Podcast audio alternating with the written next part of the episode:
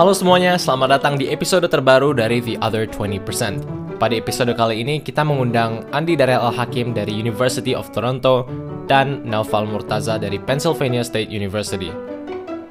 Mereka berkuliah di universitasnya masing-masing dengan beasiswa penuh. Bang Darel mendapatkan Lester B. Pearson Scholarship dan Mas Naufal mendapatkan Chevron Exceptional Assistance Award. Pada episode kali ini, kita akan melihat bagaimana kondisi perkuliahan di Kanada dan Amerika, serta bagaimana kita bisa mencontoh hal-hal baik untuk dapat diterapkan di Indonesia. Selamat menikmati. Assalamualaikum warahmatullahi wabarakatuh. Selamat siang. Di sini kita sekarang bersama kakak-kakak kita dari Kanada dan Amerika. Di yang dari Kanada nih, kita punya Kak Darel. Kak Darel kuliah di mana? Masuknya kapan? Ya, aku kuliah di University of Toronto, uh, masuknya tahun 2018. Lalu di sini kita punya Kak Noval yang kuliah di Amerika. Halo guys, um, jadi aku masuk ke Penn State 2018. Penn State University. Cool. Nah, dalam episode podcast kali ini kita akan mencari tahu tentang kehidupan sebagai mahasiswa di Kanada dan Amerika. Keduanya ini adalah mahasiswa keduanya ini adalah negara keduanya ini adalah negara yang terletak di Amerika Utara dan kita akan lihat bagaimana kebiasaan mereka sehari-harinya di kampus juga apa yang membuat apa yang membuat mahasiswa di Amerika dan Kanada berhasil dalam kehidupan akademis dan juga kehidupan sehari-harinya. Kita akan belajar dan melihat kebiasaan-kebiasaan apa yang juga bisa kita terapkan dalam kehidupan keseharian dan kemahasiswaan kita. Oh ya, yeah, forgot it was recording. Nah, kita langsung ke pertanyaan pertama. Sebelumnya, aku pengen minta perkenalan singkat dari Kak Darel dan Kak Noval. Mas Noval mau silakan duluan, Mas. Oke. Okay. Jadi um, nama aku Noval Murtaza. Aku dari Duri sama kayak Zaid dari Riau. Um, aku lulus 2018 terus ngambil uh, jurusan teknik sipil di Pennsylvania State University di Pennsylvania. Terus um, juga kebetulan waktu itu dapat scholarship dari Chevron untuk study di sana. Full scholarship. Darel silakan. ya, uh, nama aku Andi Darel Hakim, bisa dipanggil Darel. Sekarang kuliah di University of Toronto dengan jurusan Specialist Political Science. Um, saya juga sama seperti Mas Nopal, alhamdulillah mendapat kesempatan untuk kuliah di sana dengan full scholarship yang namanya Lester B. Pearson. Jadi ini scholarship yang mereka namain after um, salah satu prime ministernya di Canada mm -hmm. dan juga mereka award kayak students from around the world. Dan uh, kesempatan ini sangat sangat bagus lah gitu. Jadi um, kira-kira gitu.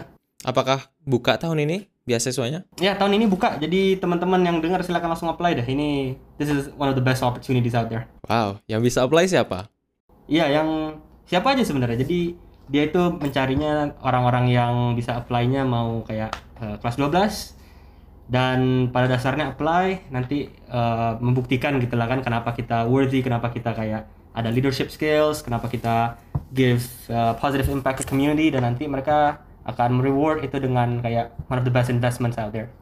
Jadi kalau be beasiswa ini sebenarnya adalah untuk itu adalah bentuk investasi dari lembaga yang memberikan beasiswa tersebut.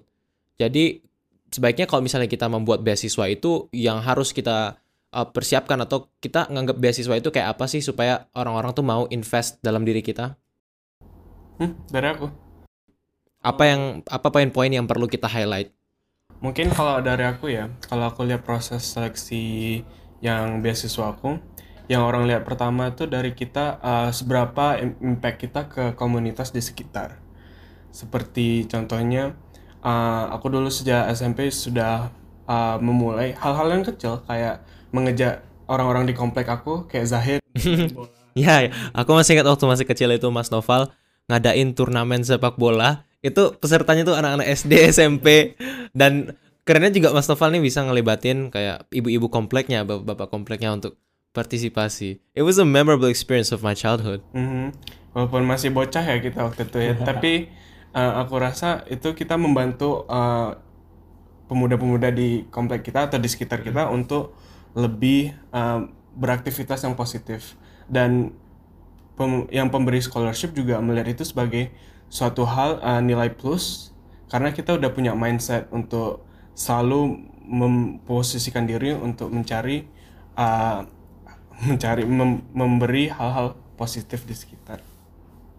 Nah, itu juga uh, emang menarik juga sama aku karena waktu aku pertama kali dengar Mas Noval ngasih tahu kalau itu adalah bagian dari portfolio Mas Noval, aku jadi kayak kepikiran ternyata banyak banget hal-hal yang kita lakukan yang awalnya kita kita tidak sadari padahal itu bisa impactful buat uh, banyak orang. Jadi mungkin yang harus kita lakukan sekarang adalah bisa menganalisis atau lihat kembali apa yang pernah kita lakukan sepanjang hidup kita bisa jadi itu ngebantu siapa gitu di bisa jadi kayak ada yang yang apa gitu kontribusi kita buat komunitas banyak banget yang sebenarnya kita lakukan yang mungkin kita, tidak kita sadari. Nah, salah satunya yang tadi ya. Ini juga ini bentuk kebiasaan yang bagus contributing to the community. Dan thank you Mas Tofal. Oke. okay. Nah, berikutnya kita ke dari Kak Darel nih.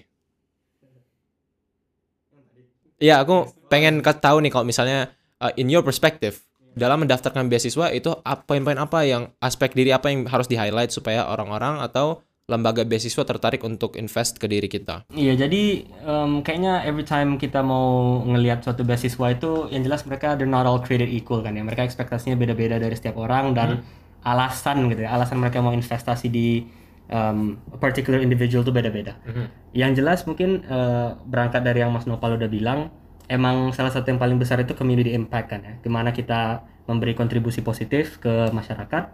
Dan emang sebenarnya dalam kita you know menulis aplikasi untuk beasiswa itu seperti misalnya di essay atau di uh, interview misalnya nanti itu kita harus benar-benar intentional. Jadi bukan cuman uh, bilang apa aja yang penting you know I'm the best bukan gitu. Tapi kita hmm. harus benar-benar hmm. nge-package apa yang dia cari dan how it links to our experience dan jadi you know in in my case itu contohnya adalah mereka nyari orang yang leadership yang uh, community impact. Dan jadi kita harus bilang bahwa oke okay, saya punya leadership itu alasannya adalah ini yang saya pernah lakukan gitu.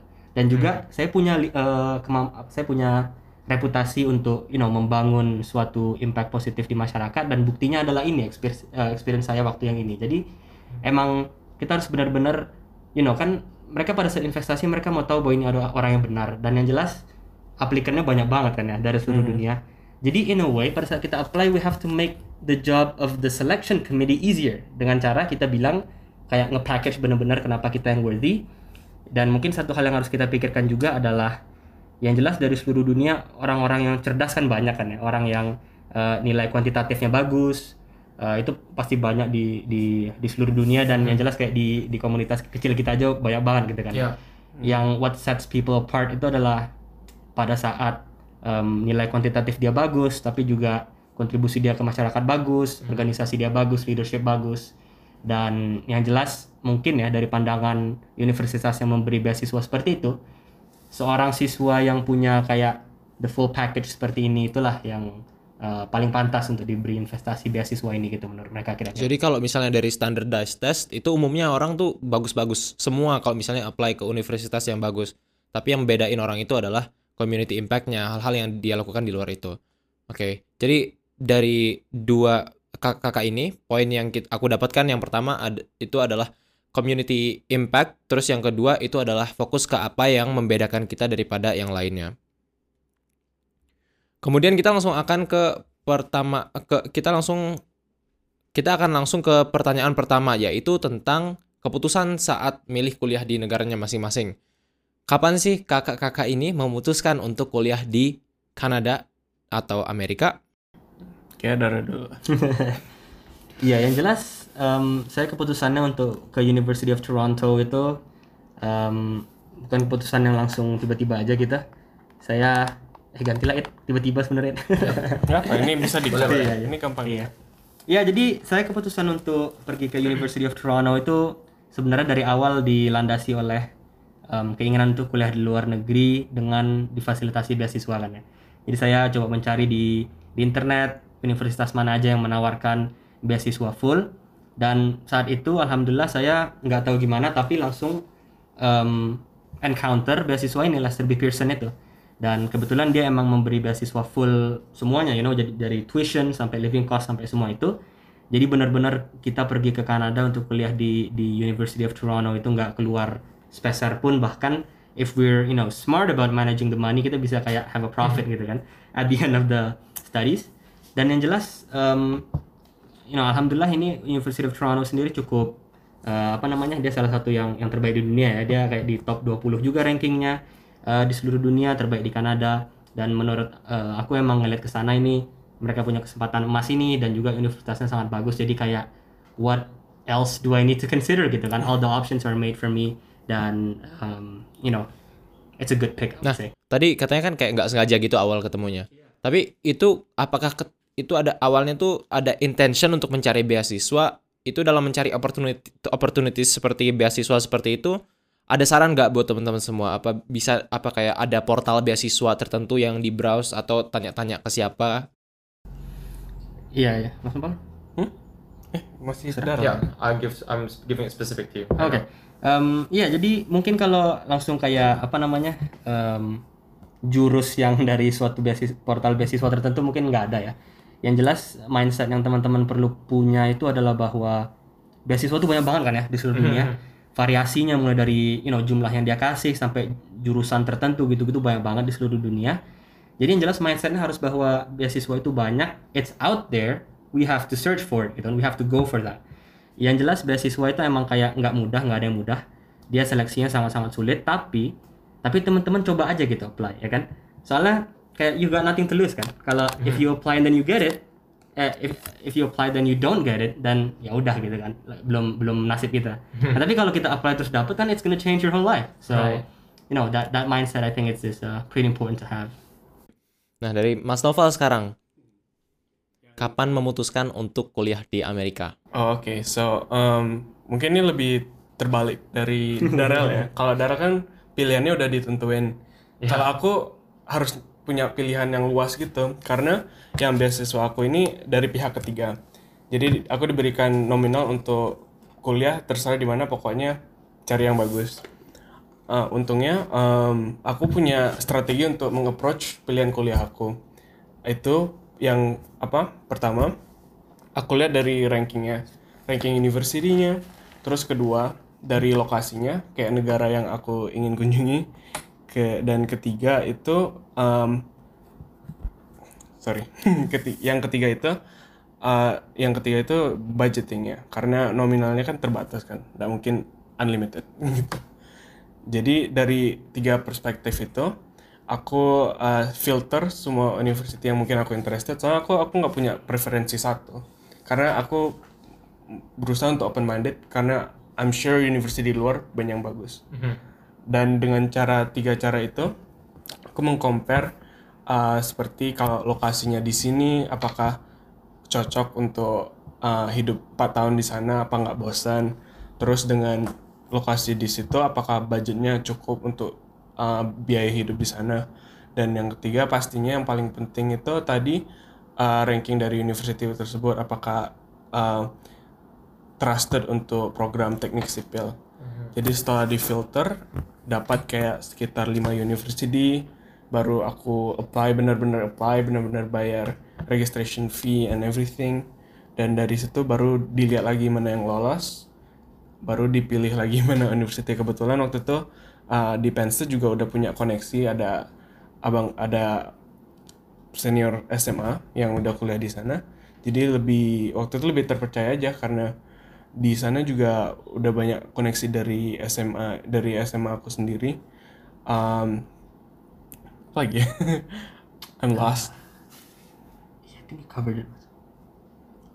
I, I think I answered it better waktu waktu kamera waktu. Kamera ya? Iya. Hmm coba redo lagi. Let me redo from the start. Oke if you want. Of everything? No no no. Yang tadi kan preferensinya itu. Iya Ya, preferensi, koneksi, or- you can maybe explain atau jelasin yang kayak board Mas Novel itu, yang waktu itu Mas tunjukin ke aku itu loh. Oh ya ada boardnya. Jadi ya so yang dari preferensi-preferensi tadi aku jadikan sebuah seperti infografis. Karena aku lebih visual ya untuk menentukan ininya lebih nyaman untuk melihat secara visual. Jadi itu punya board, boardnya itu gambarnya kayak gimana? Jadi di satu kertas itu ada berbagai universitas, terus kayak dijadiin tabel gitu kah? Oh jadi satu universitas itu satu kertas. Di dalam kertas itu aku taruh uh, gambar dari universitas itu sendiri biar visual ya. Terus ada di atasnya ada ranking universitasnya. Terus di bawahnya ada tabel-tabel biaya semua biayanya, biaya SPP, biaya uh, ya SPP, biaya hidup. Terus yang di bawahnya lagi mungkin ada mungkin geografisnya apa dekat dengan daerah tertentu. Uh, jadi aku berusaha melihat sesuatu secara holistik untuk mengambil keputusan yang paling objektifnya. Dan karena itu ya dan dengan cara itu akhirnya aku bisa menentukan kalau aku pengen kuliah di Pennsylvania State University. Hmm, so yang yang aku lihat dari masing-masing kakak ini adalah kalau misalnya kak, eh, Mas Noval itu lebih terstruktur dalam milihnya karena udah tahu budgetnya misalnya dari apa dari scholarshipnya itu udah dapat budgetnya gitu ya. Udah tahu budgetnya terus udah tahu dari budget itu bisa apa aja yang pas apa aja yang mungkin atau yang cocok. Tapi kalau Kak Darel ini lebih untuk mencoba atau kayak giving it a shot dan apa yang kita dapat itu nothing to lose. Jadi lebih jadi sebenarnya duanya ini bisa complementary juga. Kita juga punya harus punya prinsip yang kayak mau coba semuanya, tapi kita juga harus strategis dalam melakukan itu. Tapi intinya tetap jangan takut untuk mencoba. Nice wrap up. Yang kalau misalnya apa yang harus dipersiapkan, aku rasa teman-teman bisa langsung cek ke masing-masing ya karena beda-beda semuanya. Tapi yang jelas paling itu cukup biasa aja kayaknya ya. Kayak misalnya yang umumnya dipersiapkan itu paling dokumen-dokumen penting kayak identitas diri dan hal-hal seperti itu. Nah, jadi kalau untuk apa yang harus dipersiapkan teman-teman bisa cek nanti di universitas atau beasiswa yang ingin teman-teman daftarkan. Nah, jadi kita langsung aja ke hari pertama di sana di negaranya masing-masing. hari hari pertama di sana kita akan langsung terjun nih ke hari pertama kuliah yaitu adalah orientasi. Nah, aku pengen pen- aku pengen diceritain nih gimana sih orientasi atau kegiatan ospek di negaranya masing-masing? Aku dulu. Boleh boleh silakan. Mas. Oh, Oke. Kalau hari pertama orientasi ya di sana. Em, aku nggak punya pengalaman orientasi di Indonesia, jadi nggak bisa mengcompare sebenarnya kayak apa. Mungkin aku dengar story-story orang. Tapi kalau di sana hari pertama orientasi itu yang aku notice kalau kita sebagai mahasiswa internasional dari yang udah apa capek-capek terbang 30 jam untuk sampai ke tujuan sana, mereka terbuka dengan lebar untuk membantu kita sebisa mungkin. Jadi kayak tidak ada istilah orientasi itu yang menakutkan atau mengintimidasi. Malah mereka terbuka untuk kita senyaman mungkin untuk hadir di sana. Dan mereka melakukan itu dengan menghadirkan panitia orientasi itu terdiri dari orang-orang siswa internasional juga. Jadi ada yang daerah, bahkan ada yang dari daerah kita seperti Indonesia atau Malaysia. Dan mereka kayak menginvite kita, oh iya kamu dari Indonesia ya, dari Malaysia. Dan dengan itu kita merasa tidak jauh dari rumah juga.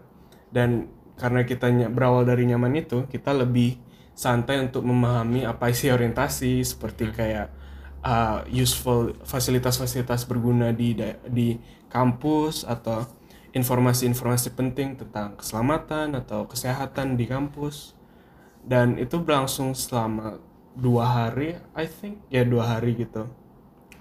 Dan karena approach mereka yang terbuka dan sangat membantu uh, itu jadinya kita sebagai mahasiswa baru ini tidak ada rasa takut atau rasa bimbang kayak kita nyampe sana mau ngapain gitu terus nyampe sana apakah kita dijahilin atau dikerjain? Iya iya. nggak nggak perlu rasa bimbang karena kita sendiri udah capek untuk untuk mencapai ke titik situ udah capek. Dan untungnya mereka sangat baik memperlakukan siswa baru mereka gimana ya eh gimana? Iya jadi ya aku pasti setuju banget ya sama poinnya Mas Nopal tentang mereka mengapresiasi sekali kita yang udah pergi-pergi jauh ke sana gitu ya kira-kira. Dan I mean di hari pertama aku pun waktu itu orientasi kebetulan aku emang nge-planning supaya hari pertama orientasi dan moving day ke asramanya itu adalah hari di mana aku landing gitu kan ya. Biar awalnya nggak perlu nyari akomodasi dulu di mana gitu. Iya. Nah kebetulan waktu itu emang landingnya kayak jam jam 12 siang, landing nyampe ke em, nyampe ke universitasnya sendiri. Nah waktu itu supir taksinya kayak nggak nggak tahu soalnya kampusnya sendiri kan gede banget, jadi dia kayak, you know what I'm just gonna drop you at the front entrance gitu, kan? Dan kebetulan, nah baiknya banget panitianya juga sama kayak di tempat Mas Nopal kayaknya, mereka emang udah di kayak pintu gerbang masuk kampusnya itu sendiri, mereka udah punya you know ada ada panitia banyak ada juga kayak golf cart untuk basically anterin kita ke asrama gitu-gitu. Nah jadi waktu itu kayak aku sama dua dua apa dua bagasi aku kayak dimas ditaruh aja ke golf cart and we went to the asrama langsung gitu kan disetirin. Dan you know waktu itu mereka baik banget nyampe asrama langsung disambut semua gitu-gitu. Dan bahkan aku aja sendiri karena baru mulai landing juga jadi setelah itu ketiduran gitu ya kan jam jam do- jam 12 siang gitu. Dan ori- you know, orientasinya mulai langsung kayak sore itu dan aku kayak terlambat sejam gitu gara-gara ketiduran kan. Ketinggalan grup aku gitu-gitu yang udah pergi ke salah satu uh, gedung di kampusnya gitu jadi aku kayak keliling-keliling aja nyari tanya-tanya orang gitu mereka helpful banget semua dan akhirnya ketemu sama grup orientasi yang aku yang ketinggalan itu dan mereka langsung ini nggak ada sama sekali kayak you know perasaan kayak lambat gitu atau, atau kayak you know sinis dan sebagainya. Dan mereka langsung kayak welcome uh, us with open arms gitu dan memang apa namanya orientasi dari masa orientasinya itu adalah sama kayak Mas Nopal gimana caranya kita nge-prepare orang ini yang udah kayak jauh-jauh banget dari rumah udah kayak you know uh, bakalan jauh dari keluarga bakalan kayak culture shock gitu-gitu kan gimana caranya kita bisa nge uh, nge apa namanya nge-training gitu atau nge ngebantu orang ini supaya dia bisa sukses gitu di di perkuliahan dia di luar negeri ini jadi kira-kira gitu sih ininya Hmm, Jadi emang orientasinya itu tujuannya supaya memudahkan transisi mahasiswa baru. Nah, karena itu aku jadi penasaran nih. Kelihatannya dari cerita-ceritanya senior-seniornya emang baik-baik banget. Aku penasaran aja ada nggak sih kayak superioritas sen atau senioritas superioritas yang angkatannya lebih tinggi gitu. Kayak misalnya aduh ini mahasiswa baru nih.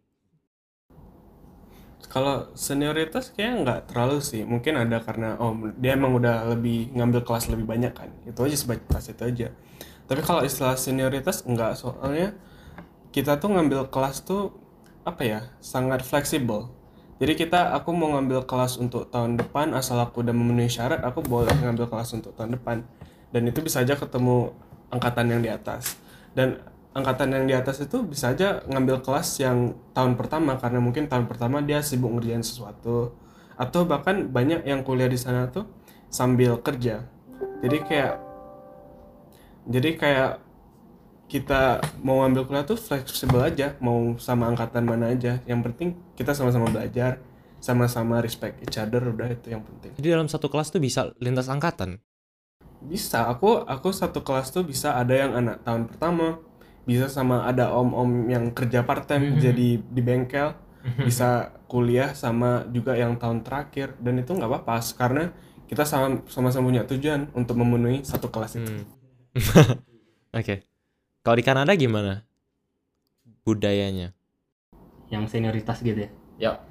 untuk senioritas sih emang mungkin sebagian besar sama kayak Mas Nopal yang nggak terlalu ada gitu karena emang mungkin orientasinya sama gitu ya kayak kita di sini mau mau belajar mau berorganisasi mau kayak you know eh, dapat life lesson itu sebanyak mungkin jadi emang mereka kayak semuanya di treat you know equal dan juga kebetulan di di eh, untuk aku sendiri salah satu kayak teman terbaik aku di sana ya senior aku gitu kan.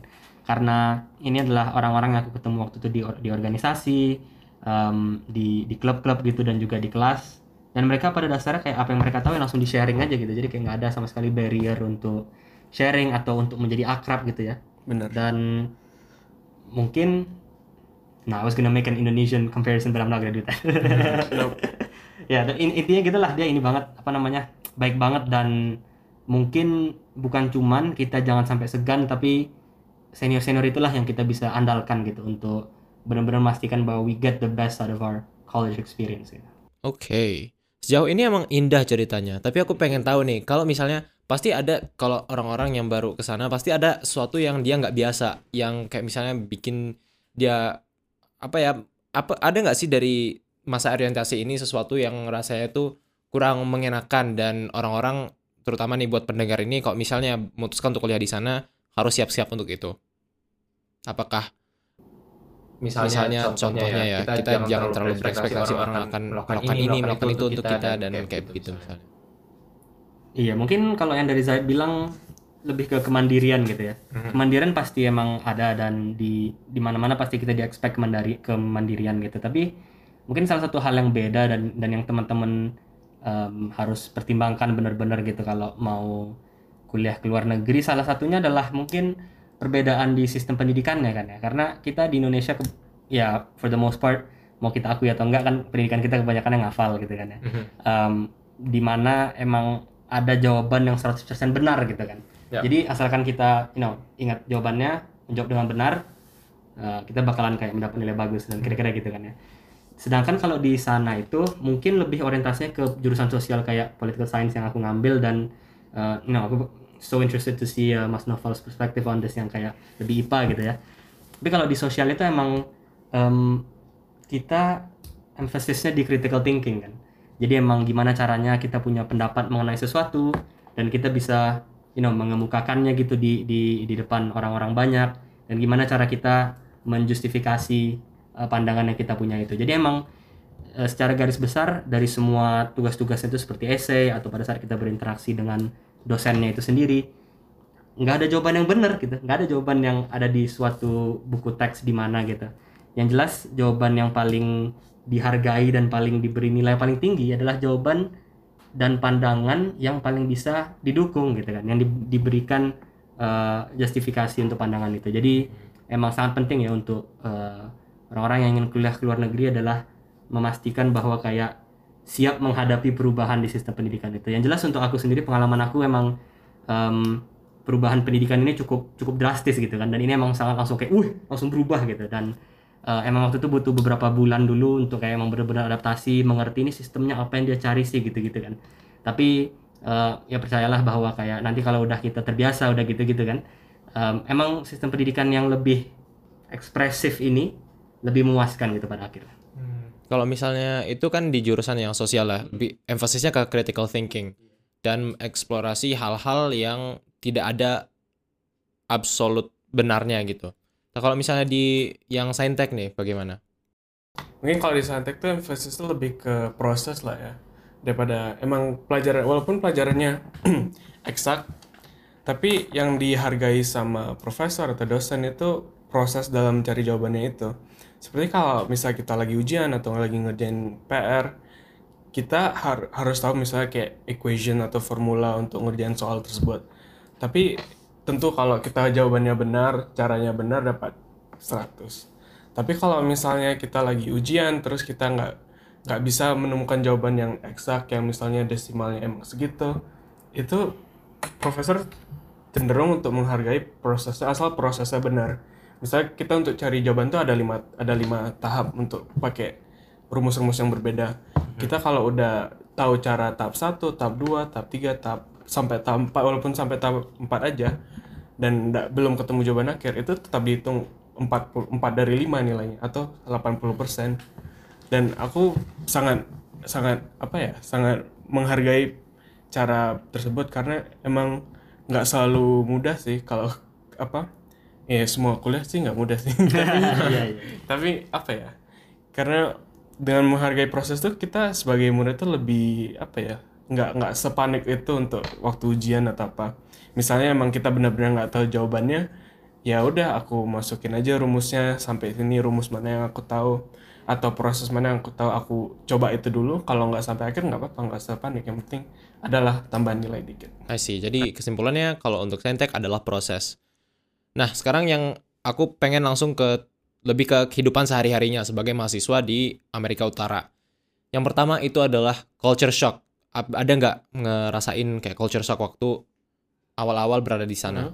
culture shock Ya, culture shock. Oke, em, kalau culture shock sejujurnya nggak terlalu sih karena kalau lingkungan universitas itu lingkungannya cenderung mengarah ke internasional atau globalisme. Jadi kayak emang sosial aku, teman-teman aku rata-rata emang juga dari luar negeri, dari negara yang berbeda nggak dari Amerika. Dan dengan itu kita lebih apa ya, lebih respectful terhadap value-value kita atau value-value mereka, lebih mencoba memahami atau mempelajari budaya-budaya masing-masing. Tapi kalau culture shocknya sendiri terhadap misalnya American culture gitu tentu ada. Dan itu I think it's mostly budaya ini mungkin budaya weekendnya gitu. Karena weekend di sana cenderung uh, ke party. Karena Oh. ya nggak apa mau lewat Iya, harusnya. Ada di kamar, Mbak. lewat Harusnya di aja. atas lah, kayak terganggu. Iya, Gak apa-apa. Ini lewat-lewat terus aku mau. coba bentar. sampai mana tadi di Oh, weekend, budaya weekend ya. Kalau ya budaya weekend itu cenderung eh, mengarah ke party dan orang apa mahasiswa Amerika itu emang menggunakan party itu untuk refreshing di weekend. Dan aku secara pribadi nggak apa ya nggak terlalu mengarah ke situ ya value-nya walaupun aku tahu itu eh, let's hold it for a bit. oke. Hmm. Hmm.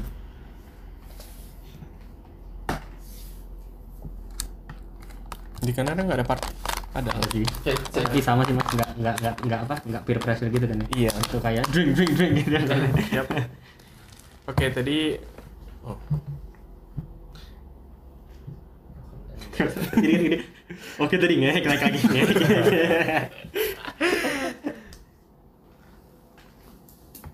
hmm. Oh depan ada mobil. ya hijau, mau ngeluarin Oh. hijau. Oh, see. Weekend. Iya sih nggak ada peer Eh tapi kalau yang pressure. snippet yang aku pakai masker ya? Berapa?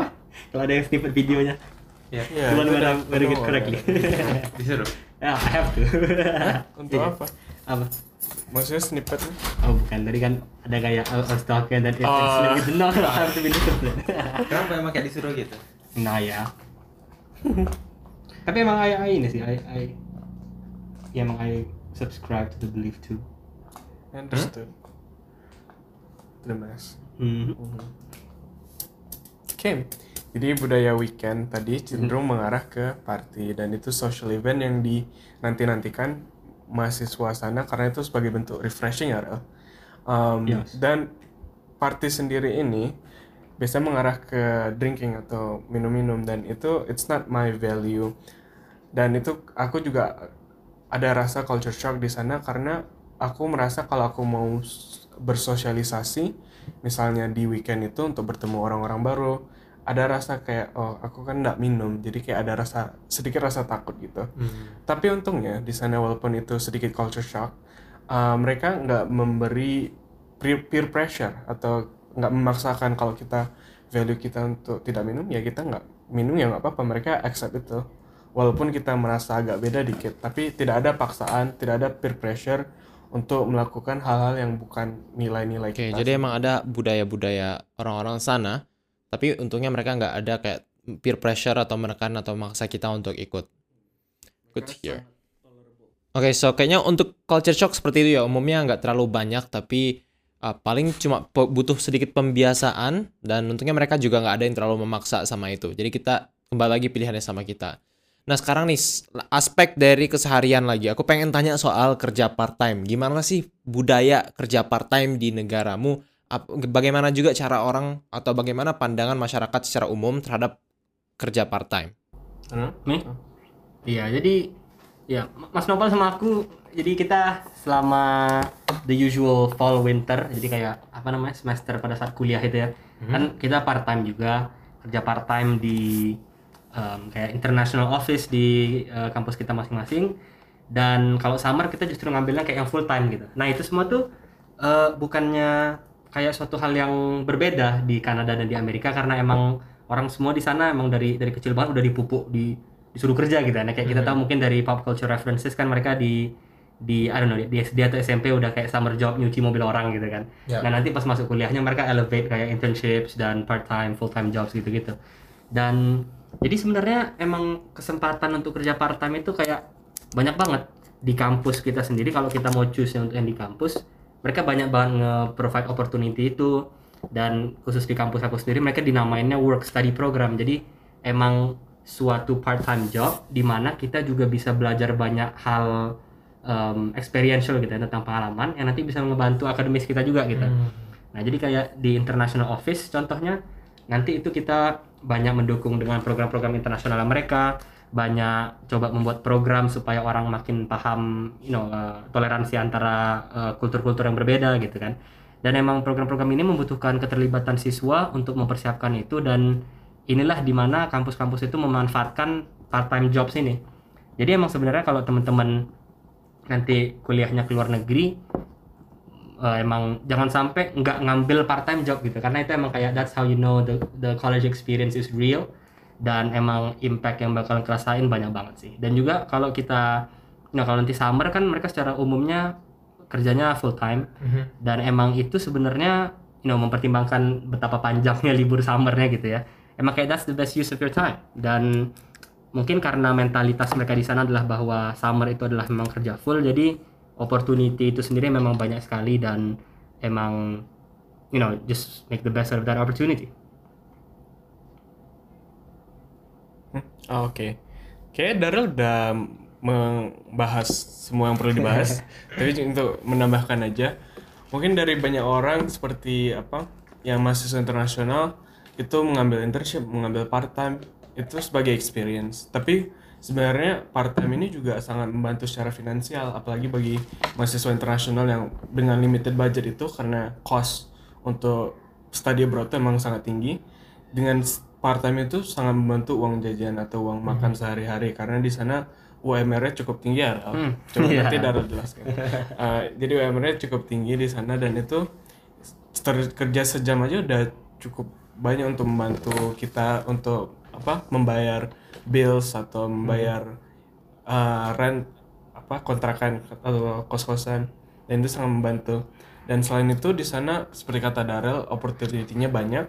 Seperti kita kerja di office dan itu akan ketemu banyak orang dan belajar banyak orang.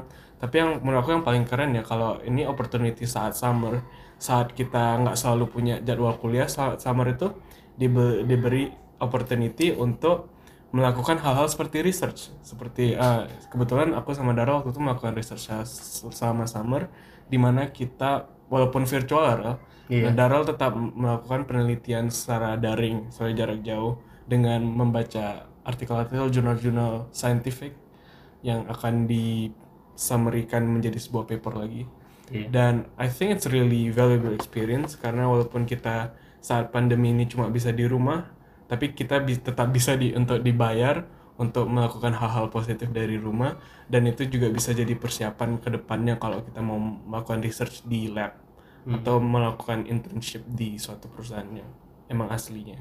Iya. Dan mungkin building on sedikit dari yang Mas Novel bilang emang kesempatan untuk part time itu bisa bisa dua gitu kan ya. Kita mau part time untuk nanti karir menjadi seorang profesional gitu misalnya di office atau di uh, you know yang di perusahaan gitu kan. Atau juga kalau kita nanti mau karirnya menjadi seorang akademisi gitu kayak research dan sebagainya dan emang dua kesempatan itu emang benar-benar di banyak banget deh disediain nanti sama kampusnya. Oke, nah aku penasaran juga nih, bisa ceritain nggak lebih dalam tentang research atau kerja part-time pernah kak- kakak lakukan? Oh iya. Jadi kalau research ini opportunity biasanya kalau dari kampus itu mereka punya program selama semester biasanya summer ya. Jadi diberi uh, grant, diberi diberi biaya untuk melakukan research di lab biasanya. Kalau misalnya kita nggak pandemi di lab. Jadi misalnya kita dikasih biasanya mahasiswa dikasih sekian ribu dolar untuk melakukan penelitian di bidang tertentu di lab dan bisa aja biaya tersebut dipakai untuk membeli bahan-bahan, menyewa alat-alat atau bahkan membeli artikel artikel saintifik. Nah, dan dari situ kalau aku lihat ya yang pemberi apa pengadaan program penelitian selama sar S1 saya sarjana selama sarjana itu uh, menurut aku sangat impactful karena nggak banyak opportunity bagi mahasiswa seperti yang sangat muda gitu ya maksudnya sangat cepat di apa selama S1 tuh untuk bisa melakukan hal-hal yang sangat in depth atau sangat sangat apa ya Red? sangat in depth mendalam di sangat disiplin itu. mendalam di dalam disiplinnya yang biasa dilakukan oleh mahasiswa S2 dan dengan pengalaman tersebut pengalaman research yang mereka beri dan dengan apa budgeting yang mereka beri itu itu bisa membantu kita sebagai mahasiswa untuk mencari beasiswa S2 atau mencari bahkan mencari kerja kerja atau mencari posisi di perusahaan-perusahaan apa perusahaan-perusahaan top dunia bahkan Iya. hmm.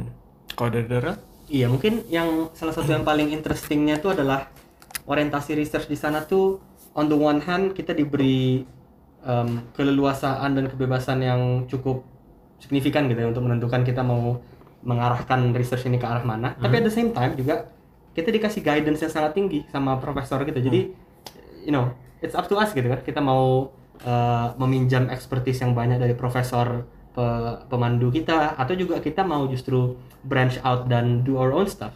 Jadi emang em, ya selama summer ini juga aku ngerjain research uh, kerja full time dan itu sendiri emang kita pada dasarnya dibimbing sama kayak salah satu dosen uh, profesor top di U of T mengenai kayak uh, climate change, sustainability, environment gitu-gitu kan. Dan justru uniknya melalui research itu network um, network akademis kita semakin gede. Soalnya lewat research itu sendiri kan kita kolaborasi gitu dengan universitas dari seluruh dunia kita kontak ke mereka dan kita uh, mengadakan interview dengan mereka gitu kan. Jadi emang you know di apa yang kita bisa lihat itu adalah research bukan hanya membangun yang jelas CV kita gitu kayak yang Mas Nopal bilang nanti kan untuk mem- mempersiapkan kita ke karir tapi emang sangat-sangat rewarding gitu. Karena mungkin kalau teman-teman keluar negeri dan em, masuk ke suatu jurusan itu kan suatu pengorbanan yang sangat besar gitu kan. Itu suatu apa ya life step yang teman-teman nggak mungkin pasti ragu gitu kan. Jadi pasti jurusan yang teman-teman ambil itu adalah suatu hal yang teman-teman suka banget ngerjainnya. Nah research itu semakin memupuk gitu ya kecintaan kita ke disiplin yang kita pelajari itu dan you know itu membuka luas uh, kesempatan kita nanti mau karirnya memang di jalur profesional atau nanti mau you know melanjutkan S2 S3 dan um, jadi seorang akademisi gitu pada akhirnya. Oke, nah setelah itu aku pengen nih nanyain soal kebiasaan belajar mahasiswanya. Apakah masih ada kayak eh, SKS gitu atau yang yang SKS yang sistem kebut semalam gitu? Atau bisa nggak kalau kuliah di sana bisa nggak kalau misalnya kita belajar Hamin satu sebelumnya atau biasanya orang tuh belajar tuh mulai kapan sih kalau misalnya ada ujian? Ya mungkin eh, ya mungkin aku bisa ngomong sedikit tentang kayak kalau di perspektif jurusan sosialnya terus Mas Novel bisa yang ke IPA-nya lebih mungkin. Yang jelas ya ya kita mau jawabnya bahwa jangan SKS gitu kan ya. tapi orang yang jelas banyak SKS dan aku juga pernah SKS eh, mungkin bukan pernah tapi cukup beberapa kali lah ya. dan ya yang jelas SKS itu orientasinya gimana ya? Kalau kita esai itu kan kita apalagi kalau pertanyaan ya gini karena orientasi ujian-ujian dan tes-tesnya em, jurusan sosial. Seperti salah satunya political science itu adalah waktu yang dikasih tiga jam pertanyaannya dua gitu ya kan? Dan kita disuruh buat essay panjang banget mengenai eh, topik yang mereka bawa gitu. Jadi emang sebenarnya proses pembelajaran kita itu pada saat kita misalnya dua hari sebelumnya atau malam sebelumnya gitu pada saat kita mereview notes kita lagi membaca bukunya itu bukan untuk menghafal em, pembelajaran itu tapi lebih ke mem- memupuk pengetahuan kita supaya nanti pada saat kita diminta menyampaikan suatu argumen tentang misalnya kasus yang ada kita tahu contoh apa yang kita mau bawa gitu. Nah jadi emang karena pertanyaan mereka itu bukannya seperti misalnya uh, you know ap- apa yang terjadi bila Amerika misalnya semakin mengini apa semakin meningkatkan intensitas konflik dia dengan Rusia gitu atau apa. Tapi kita disuruh mengambil suatu posisi dan mengambil contoh-contoh dari um, you know significant world events lainnya gimana itu bisa dijadikan presiden gitu kan. Nah untuk kita bisa memupuk argumen seperti itu kan kita harus punya wawasan cukup luas. Jadi walaupun SKS mungkin you know possible tapi yang jelas eh, you know saya pengalaman saya sendiri dan diskusi dengan teman-teman saya di program yang sama emang kalau SKS itu tidak akan mem- memberi hasil yang terbaik kan. Eh, memang hasil yang terbaik itu akan cuma datangnya kalau kita setiap kali habis lecture emang review notes kita pastiin kita benar-benar memahami dan kita datang ke office hour yang mungkin unik juga ya Mas Nopal sama aku ngeliat di sana ada namanya office hour di mana pada dasarnya profesor-profesor dosen ini mereka itu pas mereka lagi kerja di office mereka bilang oke saya sudah mengkosongkan satu jam of my day gitu. Di mana I'm not gonna do anything I'm not gonna go anywhere I'm just gonna sit in my office tunggu siswa-siswa masuk ngomong pertanyaan apa pun diskusi gitu-gitu. Jadi emang itu kesempatan emas kan ya untuk bisa benar-benar mengulik dan semakin meningkatkan eh, both wawasan dan juga penguasaan kita tentang materi gitu. Tunggu, sebelumnya tadi kan katanya office hour buka kayak misalnya satu jam per hari gitu. Itu banyak gak sih atau suka rebutan gak sih sama mahasiswa lainnya? di provide-nya banyak yang jelas. Emang eh, slot waktunya itu cukup ada beberapa gitu dalam seminggu. Tapi mungkin ya ada juga beberapa rebutan gitu. Jadi emang tradisi profesornya biasanya untuk pada saat office hour itu jadi emang pintu kantornya dia buka lebar-lebar gitu kan. Nah, tapi nanti diskusi misalnya jadi di hallway gitu atau di dekat pintu lah intinya. Jadi profesornya pada saat ngomong dengan siswa, dia juga selalu mau memastikan ada berapa sih siswa yang mau datang office hour nih. Jadi dia mau pastiin bahwa you know the one hour that I slotted harus dibagi dengan jelas gitu. Kita harus fair lah untuk semua orang gitu ya kira-kira gitu. Jadi nggak akan ya kebablas untuk satu orang gitu. Pasti coba untuk ngebaginya fair.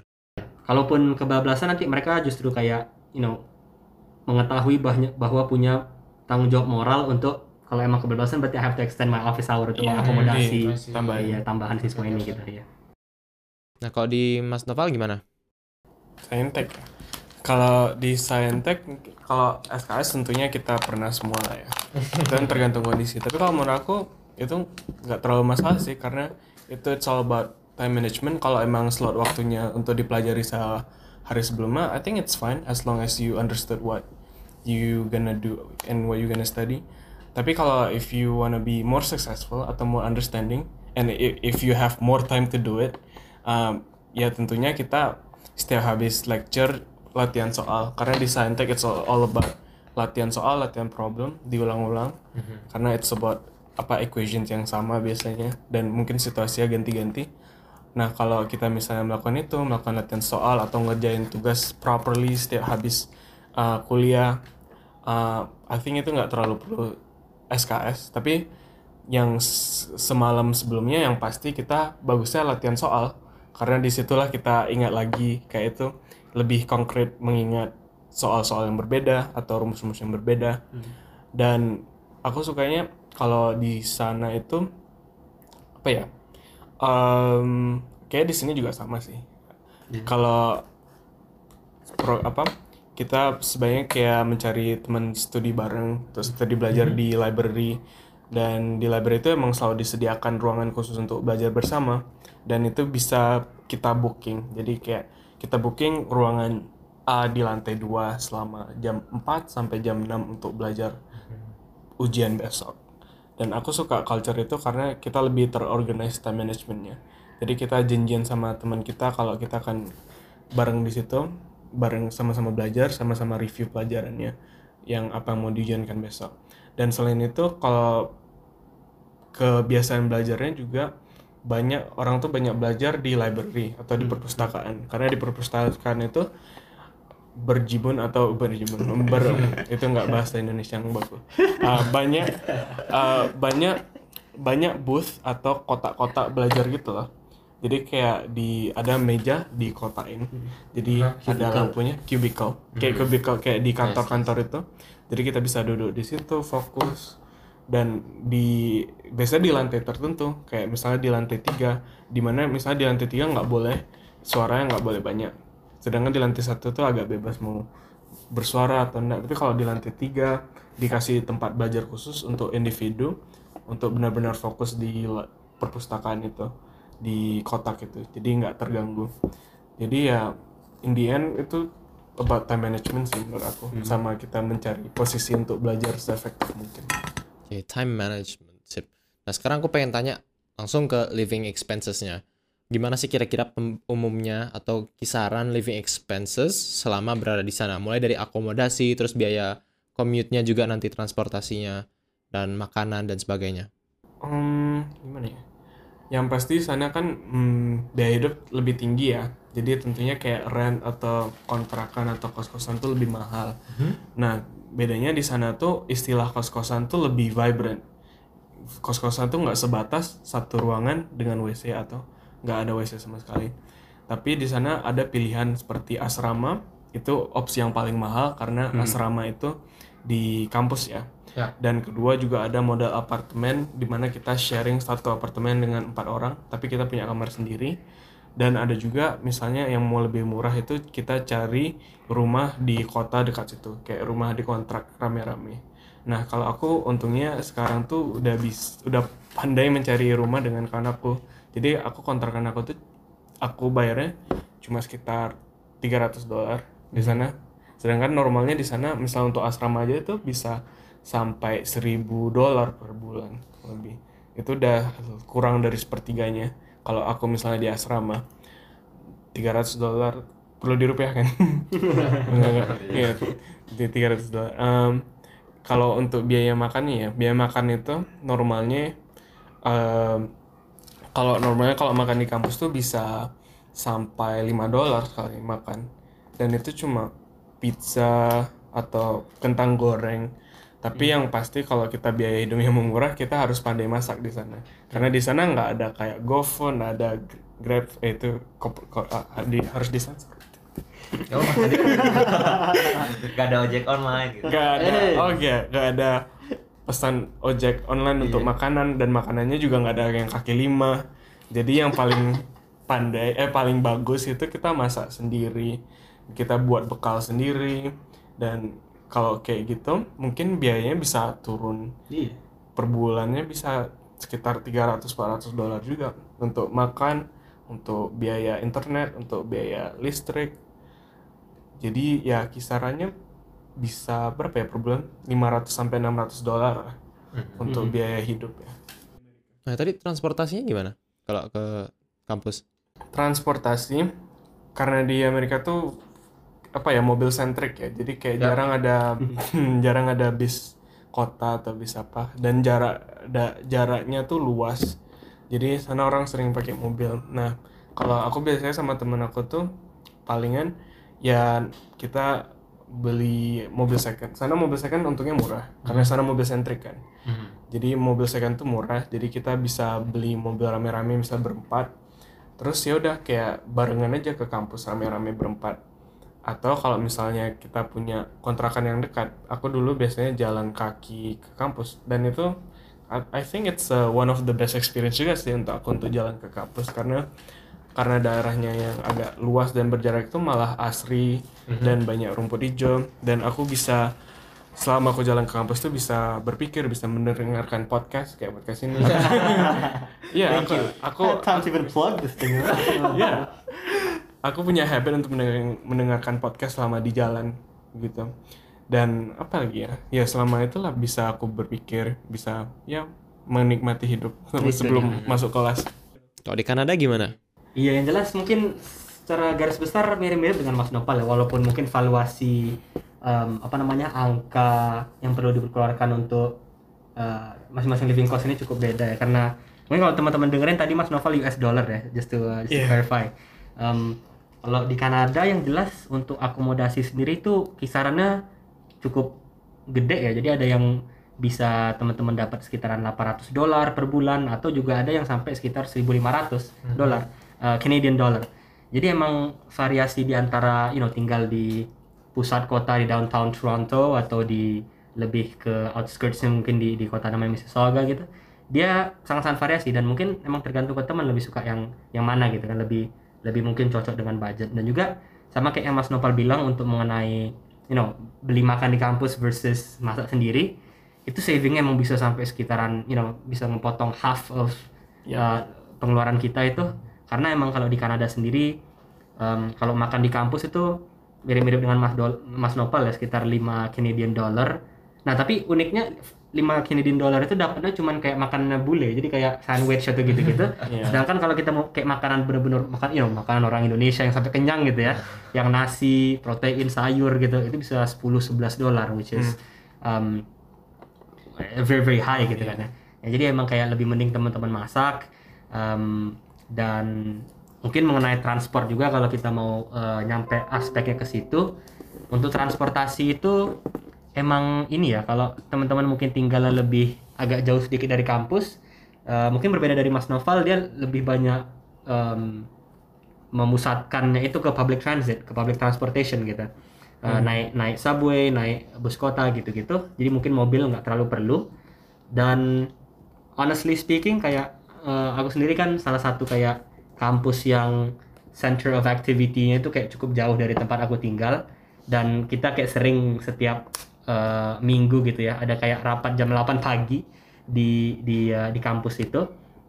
Jadi kayak ya bayangin aja kan Zaid kayak em, kita keluar dari rumah jam setengah enam gitu ya masih gelap-gelap semua langsung naik apa lagi gelap-gelap kayak dingin-dingin gitu kan ya. Dan eh, naik naik bus terus naik subway em, sama semua orang-orang yang kayak bangun pagi gitu kan dan sama kayak yang kata Mas Nopal sebenarnya kalau kita lagi commute ke kampus itu mau jalan kaki atau mau naik eh, subway gitu you know just pop on a good pair of headphones gitu kan dengerin musik eh, you know you could get some work done gitu jadi kayak emang uh, feel-nya emang sangat apa ya sangat mendukung produktivitas gitu mungkin ya mas untuk ini Yap. I see. So that's it. Thank you. Nah, kalau yang terakhir nih, aku pengen masuk ke bagian terakhir kita, yaitu adalah tentang rumah pulang. Jadi tentang Indonesia. Nah, awalnya kita pengen, eh, yang pertama nih, pengen ditanyain, gimana sih jumlah, in- ini kan karena, tunggu sebelumnya ini 20 menit lagi terakhir, 20 menit terakhir ya. Jadi mungkin there are like about 1, 2, 3, 4 like sub questions. So perhaps try to cover it up in like 20 minutes.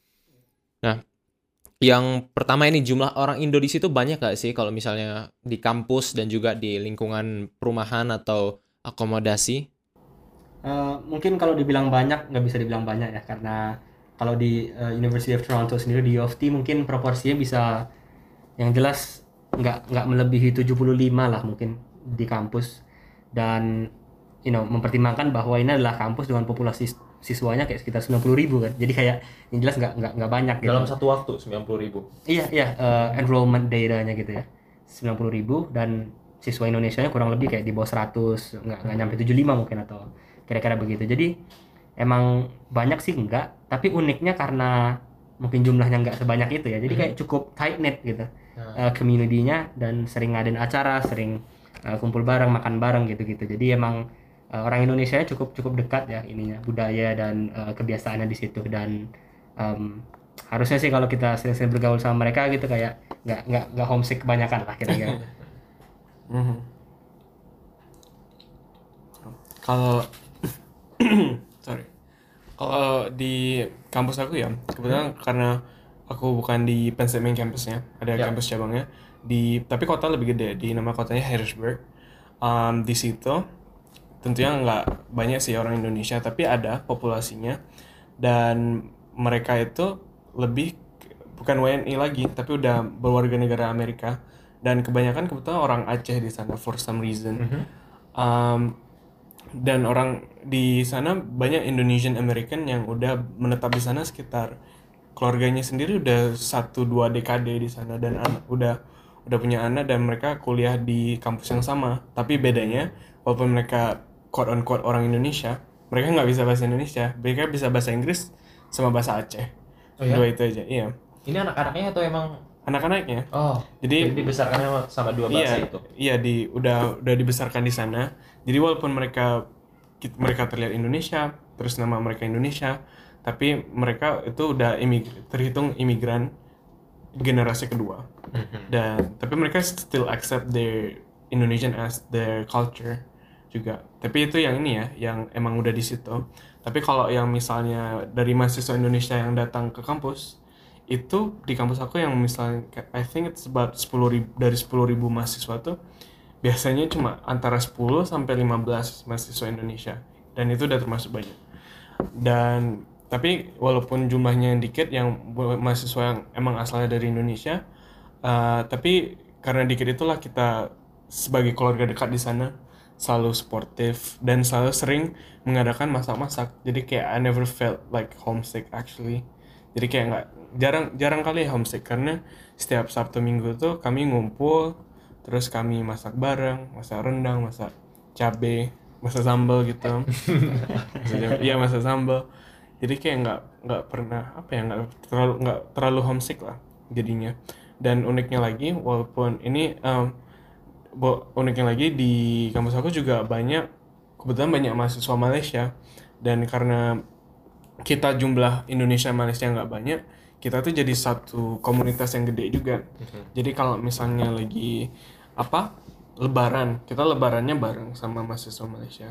Kalau misalnya lagi apa Imlek atau lagi apa juga mereka kan di Malaysia tuh hari raya gede juga Imlek. Ya. jadi kita ikut merayakan juga karena itu budaya nasional mereka. Dan aku belajar juga dari orang Malaysia kalau mereka juga men-celebrate itu. Dan karena kita jadi satu komunitas gede yang Malaysia Indonesia tuh um, I just feel it's interesting karena kita tuh agak beda tapi kita sama kayak saudara gitu. Ya ya aku juga ngerasa gitu. Hmm. Oke, jadi nah tadi kalau misalnya soal keberadaan orang Indonesia atau orang yang punya budaya sama atau latar belakang cukup serupa sama kita. Nah, sekarang aku pengen tanya nih soal makanan. Kalau misalnya di sana makanan halal atau makanan Indonesia yang bersahabat lah sama lidah kita, itu gimana sih ketersediaannya? Um, kalau di sana karena Amerika sendiri itu sangat diverse, sangat multicultural. Jadi kayak uh, availability atau keberadaan makanan yang dengan budaya berbeda itu selalu ada. Jadi di daerah aku tuh ada namanya istilah uh, Asian Mall atau mall yang isi bahan baku masakan Asia. Dan kebetulan yang punya tokonya itu orang Indonesia. Jadi kayak setiap aku ke toko tuh selalu tersedia Indomie goreng satu apa satu berkardus-kardus banyak. Jadi kayak aku mau beli Indomie ke toko aja. Dan karena itu karena itu jadi aku lebih gampang masak masakan Indonesia jadinya. Karena aku ke toko itu mau beli daun pisang pun ada, mau beli tempe pun ada. Malah tempe itu aku ke local grocery store kayak Walmart tuh ada mereka jual tempe. Di Walmart. di Walmart ada tempe itu emang udah jadi mas apa ya tapi kalau di sana tempe itu suatu hal yang mewah karena itu kayak organic food. Ya, tapi itu emang ditulisnya tempe gitu tuh kayak soybean cake. tempe. Tempe, pakai H. Bukan soybean cake. enggak tempe. Tempe dan apa apa Indonesian tempe gitu. Selalu ada Indonesianya karena Indonesia tuh kayak udah jadi brand gitu lah. Jadi kayak nggak pernah nggak pernah ragu nggak pernah asal tahu cara masak masakan Indonesia nggak pernah ragu nggak ada bahan masakan Indonesia. Dan untuk yang masakan untuk yang daging misalnya daging daging halal itu juga karena tadi karena kebudayaannya yang tinggi di Amerika selalu ada toko lokal grocery store yang jualan daging halal. Jadi kayak aku juga suka gitu suka mengunjunginya karena karena itu it's like supporting local business di sana. Dan apa I think it's lebih fresh dan lebih bersih juga. Jadi kayak nggak perlu takut kalau di sana nggak akan ketemu masakan halal soalnya di sana imigran dari Timur Tengah dari Indonesia dari Malaysia dari Pakistan selalu ada dan mereka biasanya emang selalu buka toko untuk menyediakan bahan-bahan mak- masakan yang halal juga Oke. Kalau di Kanada? Ya sama sih sama banyak. Mungkin kayak kita tahu beberapa stereotipnya Kanada juga kayak membanggakan diri dengan em, keterbukaan mereka gitu ya ke, ke imigrasi gitu. Dan juga kalau nggak salah aku ada denger data waktu nggak tahu masih akurat atau enggak ya, tapi waktu itu pernah kayak tahun kapan gitu. Di Toronto sendiri kayak 50% dari penduduknya lahirnya nggak di Kanada gitu. Jadi mereka ya immigrant populationnya gede banget kan. Jadi emang untuk halal sih nggak masalah karena kayak di kampus eh, ya mau di kampus mau di mall mau di supermarket yang kita beli bahan eh, bahan mentah gitu juga banyak banget emang halal jadi eh, harusnya nggak masalah dan juga untuk Indonesia mungkin em, di tempat yang aku sendiri di Kanada Indonesia walaupun adalah beberapa restorannya gitu. Tapi juga for the most part mungkin kayak yang kata Zaid bilang em, kuliner negara lain yang cocok ke lidah kita juga cukup banyak gitu sebenarnya. Jadi kayak no problem lah mau mau mau Jepang mau Chinese mau Korean food gitu gitu kan. Em, bahkan sedikit sedikit makanan India makan Pakistan ya kayak cuman beberapa lah gitu. Ada lah yang cocok sama lidah kita. Jadi kayak em, harusnya nggak nggak nggak masalah sih. Tapi emang mungkin itu laporan di mana komunitas Indonesia itu ya mas untuk sering-sering masak-masak gitu ya biar nggak nggak kangen makan Indonesia gitu Ya, dan aku mau nambah juga malah di New York ya. Di New York itu di setiap sudut blok itu selalu ada kedai makanan halal. Karena sorry. Jadi di New York itu selalu ada kedai makanan halal di setiap blok. Karena halal kan tahu pernah dengar halal guys kan? Ya, Ya, Ya, halal guys tuh udah jadi cultural impact di sana. Jadi setiap kantor tuh orang-orangnya suka makan halal halal street food. Jadi kayak bayangin aja kalian kalau misalnya ke New York di itu ada logo halal di setiap blok. Ya? Iya, serius. Logo halal. Logo halal Setiap blok. setiap blok. Ada ada mereka kan banyak kaki lima dan di setiap kaki lima tuh jual masakan halal, halal rice, halal chicken, Iya. halal Nah, itu lamb. karena inisiatif warganya sendiri atau penjualnya sendiri atau emang ada regulasinya? bukan regulasi itu emang budayanya sana sepertinya kayak imigran dari Timur Tengah membawa makanan sana dan makanannya enak orang suka jadi populer. Gara-gara malah ya itu gara-gara populer itu masakan halal tuh emang tersebar di New York City di setiap sudutnya. Mirip sama Jerman ya sama donor kebab. Karena dibawa imigran Turki gitu. Dan jadi kayak budaya Jerman malah. Iya. Tapi mungkin juga itu ya kayak disclaimer gitu bahwa kayak Mas Nopal sama aku juga um, kita tinggal mungkin di kota yang cukup gede dan immigrant populationnya gede gitu ya. Jadi emang halal uh, ada banyak di mana-mana. Tapi yang jelas kalau teman-teman mungkin agak lebih you know, ke pedalaman gitu lagi mau hiking trip atau apa mungkin emang halalnya lebih sedikit. Um, tapi itu sebenarnya nggak nggak nggak masalah sih. Soalnya kayak aku sendiri dan mungkin Mas Nopal aku yakin juga pernah berapa kali kan kayak kalau kita sehari dua hari kayak go vegetarian aja kan kayak nggak masalah. Oh gitu. iya, dan itu ya satu lagi sana orang sana sangat menghargai vegetari vegetarianisme, Ve- vegetarian, Ve- vege- vegetarianism. And Veganism. Ya, mereka ini mereka har, apa ya? Veganism sih. Nggak selain juga regulasi, mereka tuh selalu harus detail apa yang di dalam makanan. Kayak misal makan di kampus tuh mereka harus ngasih tahu kalau ada babi, dikasih tahu oh ini ada babi, ini enggak. Ini vegetarian, bahannya dari tanaman semua. Ini ada dagingnya dikit. Ini daging apa? Daging sapi. Jadi kayak apa? Harus kita harus selalu tahu, kita selalu dikasih tahu makanan itu apa. Dan misal kalau kita nggak bisa makan daging, mereka cari vegetarian. Oke, I Jadi no problem ya kalau untuk makanan. Nah, setelah ini kita akan ber kita akan bahas soal beribadah. Gimana sih kalau gimana sih beribadah di dalam atau luar kampus? Wanna wait? I wanna check is it so. Okay, it is.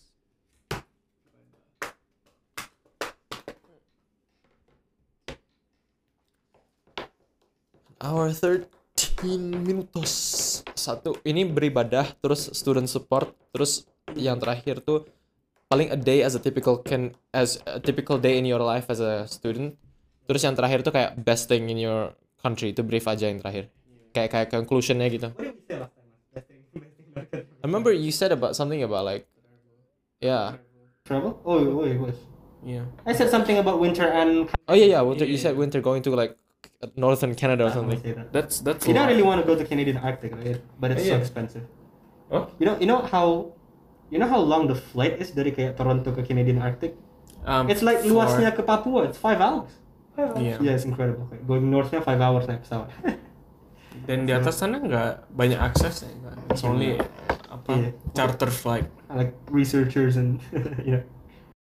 Tapi itu emang kayak wilderness aja di atas.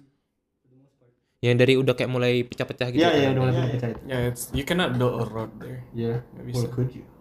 Oh, emang itu apa batuan bebatuan gitu aja? Um, just zoom it in Google Maps it yourself. It's kayak batu sama air deh. Oh. Sama es sometimes. Most of the times. As of last year. It's the last year. Shit. and no longer for kayak four years For- down the road. Is your mom going from that door? I think so. Ya, Oh, no. kayaknya ah enggak. Importance of international students.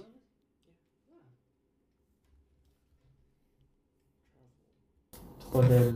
Travail kerja tuh beda. Iya, kerja. Mirip mirip apa Nelayan dia? gitu ya. Apa dia Kayak vibe-nya kayak Iceland gitu. Iceland gitu? Hmm. Hmm. Iceland. Iceland. Iceland tapi lebih green. I'm so envious tuh sama kayak my Malaysian friends. Dia they they don't need a visa to go to most places. Iya. They can just fly ke Iceland. Iya. Um, Gitu ya. Hmm? Lebih powerful sedikit ya paspornya. Oh enggak, lebih sangat powerful. Lebih sangat powerful. Apalagi Singapura. Oh iya. Kayak the first or second gitu kan di dunia kalau nggak salah. Yeah, they can Malaysian tuh they can go to Europe for any kayak kapan aja. Malaysia. Malaysia. Nggak ada emang kayak free. Yeah, they gitu? can go to UK anytime they want. Oh Oh dia. man. Kan Pengennya. Commonwealth. Iceland juga. And dulu tiket ke Iceland tuh nggak mahal. It's like 50 bucks, 100 pounds. 50 bucks? No, no, ya 100 bucks gitu. Mana pun murah tuh kan? Iya, dari New York. Mak, Sekarang berapa? Thousand something. Hmm. Sekarang I don't know, because nothing is really open, so it Ah. it doesn't count. Tapi dulu ya, tadi kan dulu banyak yang flight apa? Kan Iceland punya banyak maskapai low cost. Iya ya. Ice, uh, Wizz Air. Berarti dia. Ya, Wizz Air is Icelandic. Bukan udah bangkrut kan? Iya kan, gara-gara ini bangkrut. Iya. Gara-gara turismenya jatuh bangkrut. I think I was thinking about Wow Air, Ya, Wow Air. the purple one. Ya, Wow Air. Ya, Wow Air actually. I think Wizz Air is also cost, tapi I'm not sure if it's Icelandic. Oke, tadi pertanyaan. Beribadah di dalam luar beri- bagaimana sih beribadah di sana? Apakah mengalami kesulitan? Iya, eh, nggak nggak sama sekali sih ya. Mungkin em, yang jelas kalau kita lagi di kampus, um, well let's let's let's rephrase that. Or you do you want me to go first? Ika, Ika, Ika, Mas. Ya, so jadi seperti yang aku katakan tadi karena budaya yang tolerable sangat terbuka, mereka tahu kalau kita punya kebutuhan untuk beribadah. Jadinya di kampus, di most of the campuses di Amerika itu punya namanya interfaith room. Mhm, Interfaith room. Interfaith room itu ruang beribadah untuk agama apa aja. Jadi kayak universal. Dan tapi the fact is, eh the fact is, tapi kalau secara di lapangan nih ya, rata- biasanya yang beribadah orang muslim aja karena kita emang sholat lima waktu ya, Ya. gitu. Karena kita sholat lima waktu tuh, jadi di interfaith room ini selalu disediakan sajadah Sajadah. selalu disediakan em, malah ada ininya ada tempat wudhu yang modern gitu tempat wudhu yang saking modernnya tuh kayak gimana ya bayanginnya jadi ada tempat duduk ada kerannya bisa duduk sambil wudhu gitu. Oh iya iya iya. ya something fancy like that. Dia itu karena mereka terbuka dan mereka tahu kebutuhan kita jadi kita difasilitasi untuk beribadah. Dan dan tapi bukan hanya fasilitasnya aja juga profesor sana sangat terbuka kalau kita punya kebutuhan untuk beribadah. Jadi kalau kita misalnya bicara sama profesor kalau kita oh mungkin aku lima menit telat masuk kelas nih gara-gara apa ada mau sholat. Mereka ngerti oh ya nggak apa-apa. Nanti kalau habis sholat langsung ke kelas ya gitu. Mereka paham karena apa itu hak kita untuk memiliki agama itu hak kita untuk beribadah.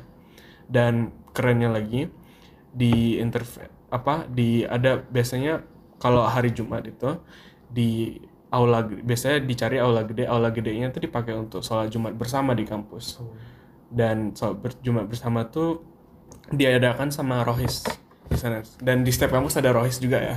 Ya kan Rel? di setiap kampus tuh ada rohisnya juga rohani Islamnya yang apa mengorganize hal-hal seperti ini. Dan yang ikut sholat Jumat lumayan banyak juga. Kayak itu udah bagikan masjid gitu loh karena sampai puluhan yang hadir. Oke. Iya. Di di Kanada juga cukup umum ya. Dan mungkin salah satu apa namanya? Salah satu cara kita bisa tahu bahwa komunitas eh, muslimnya gitu ya cukup cukup gede di sana adalah bahwa em, setiap sholat Jumat itu mereka kan ngundang ustadz gitu ya seperti biasa di Indonesia untuk eh, khutbah untuk gitu. Hampir setiap eh, minggu ustadznya ganti-ganti beda. Jadi emang banyak gitu keterisian ustadznya kan. Jadi emang eh, komunitas muslim di sana cukup eh, cukup besar gitu dan cukup eh, cukup diverse sih uniknya ya. Kan ada yang dari Timur Tengah, ada yang dari kita Southeast Asia gitu-gitu.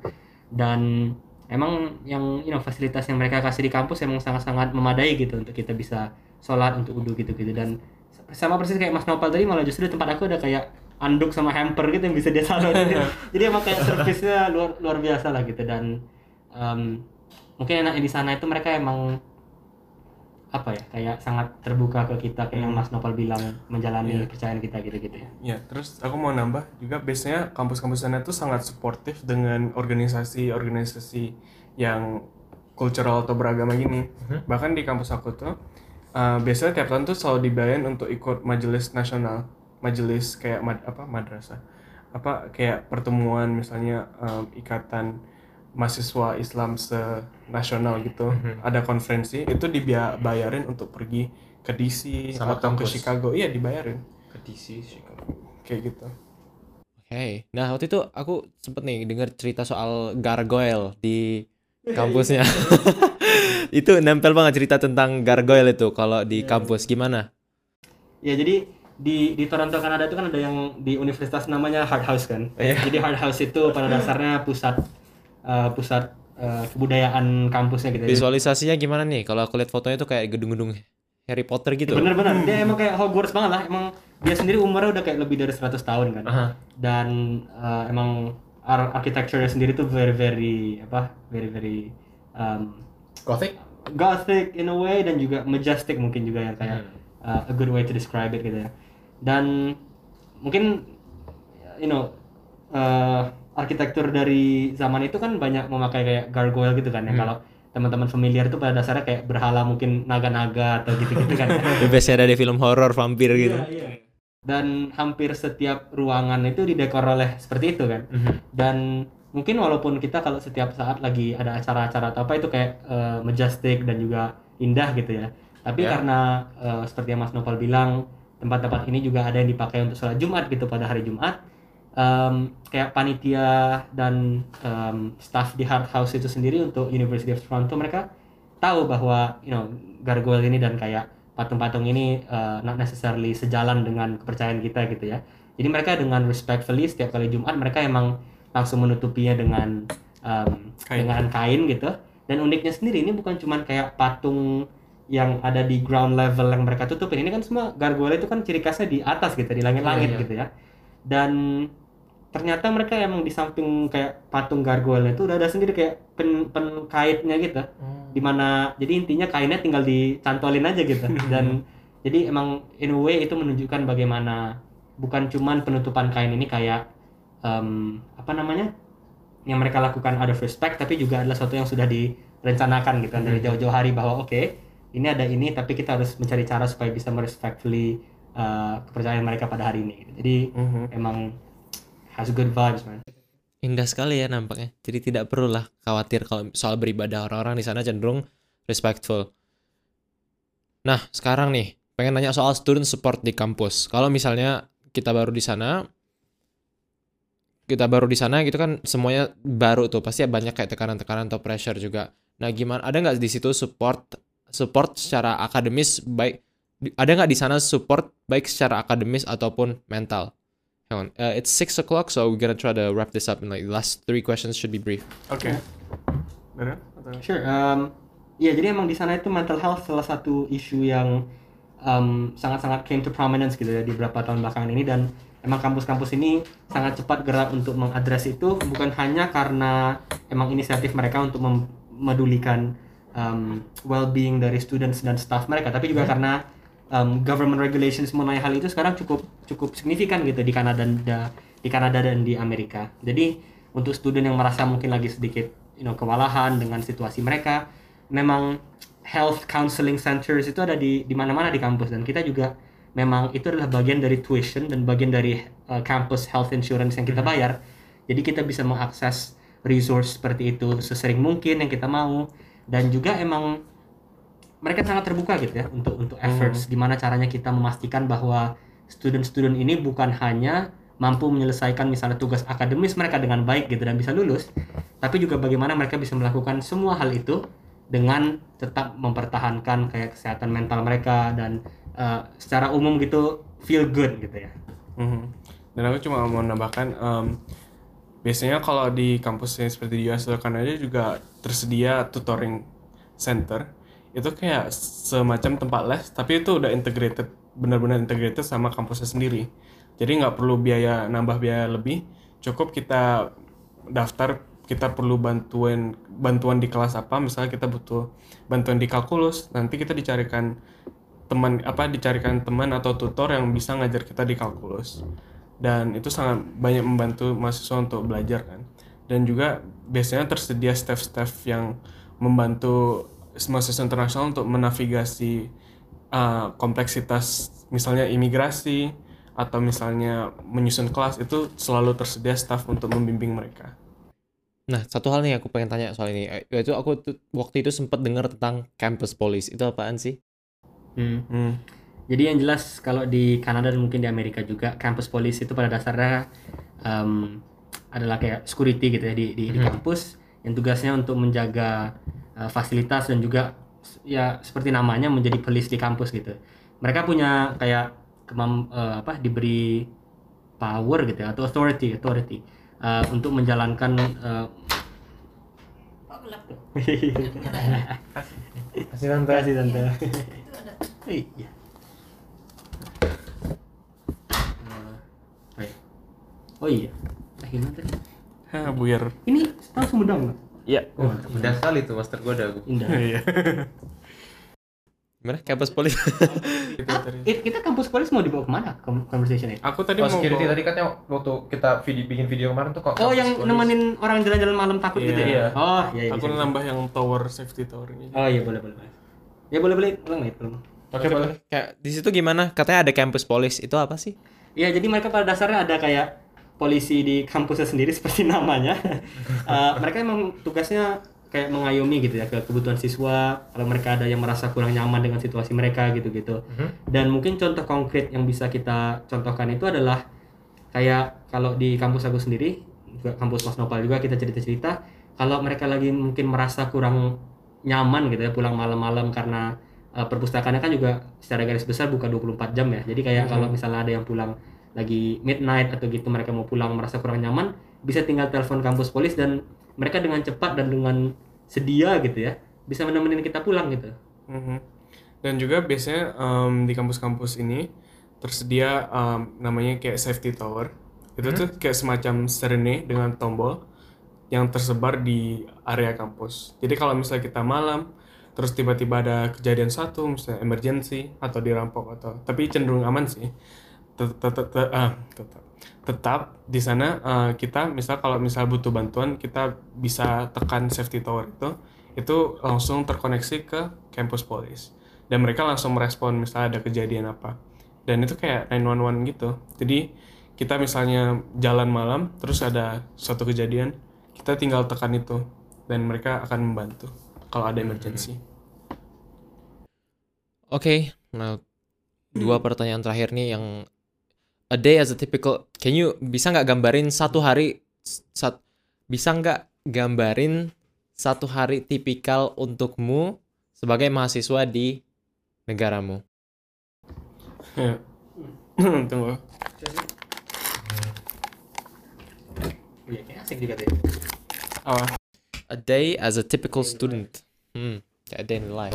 hmm, dari dulu aku dulu serah mas mau duluan kalau kalau aku Belum, Mas. tisunya ya sini rel as, as, ASMR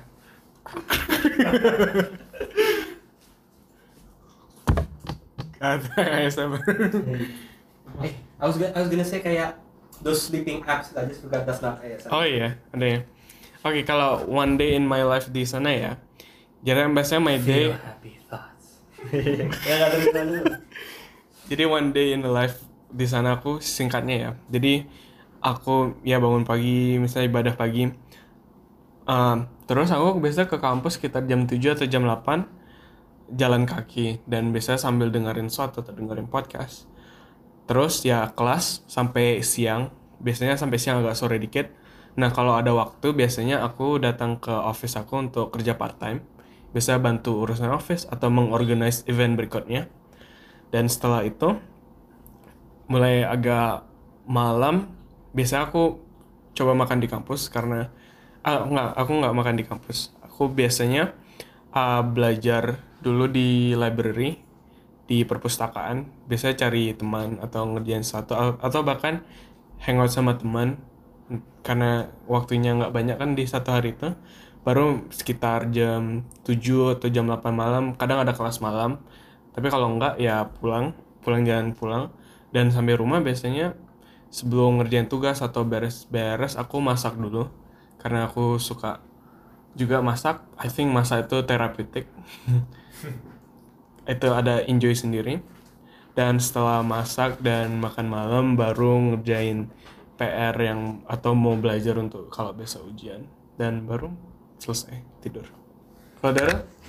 Iya, mungkin secara garis besar mirip sama Mas Nopal. Em, em, kalau aku yang jelas kayak orientasinya itu kan ya, apa namanya? Um, ulang deh. ya secara garis besar. uh, sit a bit closer to the mic. ya secara garis secara garis besar mirip sih ya sama Mas Nopal Em, mungkin aku bisa ceritain one of my rather more ambitious days gitu ya bukan yang bukan yang rada-rada kosong gitu Em, dan ini biasa kayak hari-hari Rabu pada saat yang kayak aku ada bilang tadi ada rapat jam 8 pagi gitu ya di kampus. Jadi aku biasa kayak ya bangun jam 5 gitu salat subuh dulu mandi. Em, setelah itu kayak jam setengah enam coba ini eh, naik naik bus kan. Naik bus terus eh, nyambung ke subway. Nah nanti kita di situ pagi-pagi ke hard house itu untuk meeting kayak sejam. Nah uniknya nanti selesai kan jam 9 pagi itu ya. Nah nanti aku kayak one of my first class for the day jam 10 pagi terus langsung dari karena ini beda kampus kebetulan aktivitas aku langsung naik shuttle bus itu untuk pergi ke kampus satu lagi. Dan itu secara garis besar take about kayak 45 minutes. Terus ya seperti biasa kelas-kelas sampai siang. Eh, nanti sampai sore mungkin sekitar jam 3 nah terus jam 3 nanti pergi berangkat ke ini ke kampus satu lagi tadi yang hard house itu yang yang kampus pusat. Untuk nanti ada ikut eh, pada dasarnya ekskul lagi gitu dari sana atau organisasi. Em, uniknya nanti untuk tahun yang mendatang ini ya walaupun mungkin online tapi kalau yang kita balik lagi nanti secara fisik ke sana aku bakalan ada kerja juga mungkin mirip kayak Mas Nopal sore-sore itu. Dan aku juga salah satu orientasi aku suka mengkompartmentalize gitu ya di mana belajar di mana istirahat gitu. Dan yang aku sukanya kalau untuk belajar dan ngerjain tugas di perpus karena kalau di kamar kayak I can't get any work done. Um, jadi kayak di biasa di perpus gitu sampai sekitar jam 10 uh, malam kira-kira. Nanti pulang beli-beli masakan dulu eh beli ya beli bahan mentah gitu nanti pas pulang masak. Dan ya sama kayak Mas Nopal lah terapeutik banget. Soalnya kayak ada bayangin aja ini ini kayak ada sensasi tersendiri gitu kan. Soalnya kita kayak seharian kan hard work gitu ya kan. Iya. pulang-pulang beli some fresh groceries terus kayak sambil malam-malam bayangin, bayangin ya kayak jam 11 malam gitu kan pakai ada musik-musik jazz gitu sambil masak gitu kan. Ya emang very very Ah, majestic beautiful. experience gitu lah. One best thing about going to school in your country. For me is the travel. Karena I still can travel in budget and experience a lot of things. Apalagi um, untungnya kayak kampus aku tuh really strategic. Aku di kampus aku sebelahnya bandara. Terus sebelah bandaranya ada stasiun kereta. Jadi uh, kalau mau ke New York itu cuma dua jam, tiga jam. Mau ke DC dua jam, tiga jam. Dan di sekitar kampusnya sendiri itu kayak banyak perbukitan yang banyak hiking trail banyak karena ada juga kayak state park gitu yang bisa dikunjungi. Kayak kita mau hiking mau lihat air terjun tuh banyak. Jadi kayak banyak banyak hal yang bisa dilakuin di sana dan tetap bisa relaxing. Nggak nggak stres karena itu bukan di kota. Dan selain itu um, kalau mau traveling agak jauh dikit itu di US juga banyak spot-spot kayak ke West Coast itu bisa kita traveling bareng teman sendiri on budget nyewa mobil sama-sama terus kita pergi ke kayak Grand Canyon ke kayak ke Las Vegas ke Los Angeles itu sekali sekali sekali lempar aja. Dan itu nggak perlu biaya yang wow gitu loh. Dan tetap dapat pengalaman yang banyak selama traveling. Satu hal terbaik dari kuliah di Amerika, travelnya. Kalau dari Kak Darel, ya kayaknya lebih ke ini ya. The banyaknya pengalaman yang bisa dijalanin di satu negara gitu soalnya kayak yang jelas multiculturalismnya sangat kerasa um, baik dengan kayak you know the immigrant population dan juga dengan adanya mereka dua bahasa kan dua bahasa resminya bilingual kan officially bilingual Inggris dan Prancis ya. Inggris dan Prancis. Nah uniknya jadi kita dari Toronto itu sendiri mungkin mau kayak naik one or two hour flight gitu atau naik kereta juga bisa langsung nyampe di Quebec. Quebec itu pada dasarnya satu-satunya provinsi eh, pak yang di Kanada yang bahasanya semua Prancis. Jadi kita mau ke sana biasa in the winter gitu ya untuk paling ngerasain eh, pengalamannya. Jadi emang ke sana benar-benar ngerasain pada dasarnya kita masih di Kanada tapi serasa di negara berbeda, serasa di Eropa gitu kan ya dengan arsitektur dan eh, culture yang berbeda. Oh ini yang suka di Just for La Just for Laughs juga Iya, gitu. Just for Laughs itu kalau nggak salah di, di Montreal. Jadi Iya, emang di Montreal. seru banget ini kan ngelihat tempat-tempat itu Uh-huh. dan emang you know in a way kita ke Kanada itu kan serasa kayak masuk ke Amerika gitu ya kayak arsitekturnya banyak sama pakai bahasa Inggris juga gitu. Nah tapi nanti kalau kita ke Quebec serasa kayak pergi ke Perancis gitu. Jadi kayak cukup seru sih dan terutama kalau nge-experience winternya di sana gitu. Um, walaupun sangat-sangat dingin kayak bisa sampai minus 30 derajat gitu tapi pada saat kita ngelihat misalnya natural landscapes pakai salju putih gitu it's just so beautiful jadi gitu sih kira-kira itu Oke. Nah, terima kasih teman-teman semua sudah mendengarkan podcast kali ini. Kita bareng Kak Darel dari University of Toronto Political Science dan Mas Noval dari Pennsylvania State University Civil Engineering. Nah, sekarang where can where can the listeners find you? For me, uh, kalian bisa cari aku di foto-foto Zaid. Iya banyak banget. Jadi yang mungkin foto Zaid, beberapa foto Zaid terakhir ada di tag at novel 12 AFC. By the way itu Zaid yang ngasih nama dulu. Sekitar, ya Zaid yang. Ya. Apa sih nama itu? Iya Zaid waktu itu um, aku mikirin username Twitter ya. Terus Zaid yang ngasih nama, ya kenapa enggak 12 AFC? I feel special now. You are special. Hey. what, what's happening Apa? ya ya itu. Novel 12 AFC at Instagram. Mhm. Darel, ya kalau aku bisa di ini ya di foto Nova. di foto-fotonya Mas Nopal sama Zahid kita biasa malam-malam lagi nonton Arsenal gitu ya Enggak, enggak, tapi ada beberapa lah. Kalau di lebih mainly di Instagram sih ya. Iya. Twitter nggak terlalu ini. Kalau di Instagram ya at Andi, Andi biasa Darel, udah L-nya dua. About LinkedIn? LinkedIn uh, just uh, just put in my name. I think ada profile pasti di Instagram shopnya Zaid kan atau di Spotify ini ya. Oke, nanti teman-teman bisa lihat di bio dari episode kali ini. Terima kasih sekali lagi dan jangan lupa ini episodenya adalah subjektif dan berdasarkan pengalaman pribadi. Mungkin teman-teman akan menemukan pengalaman yang berbeda dari orang-orang atau dari sumber-sumber lain nantinya dan itu tidak masalah. Yang penting coba ambil dari coba ambil apa yang rasanya perlu dari podcast kali ini, apa yang rasanya berguna nanti coba dicocokin lagi sama pengalaman atau pengetahuan teman-teman dari sumber-sumber lainnya. Terima kasih, sampai jumpa di episode berikutnya.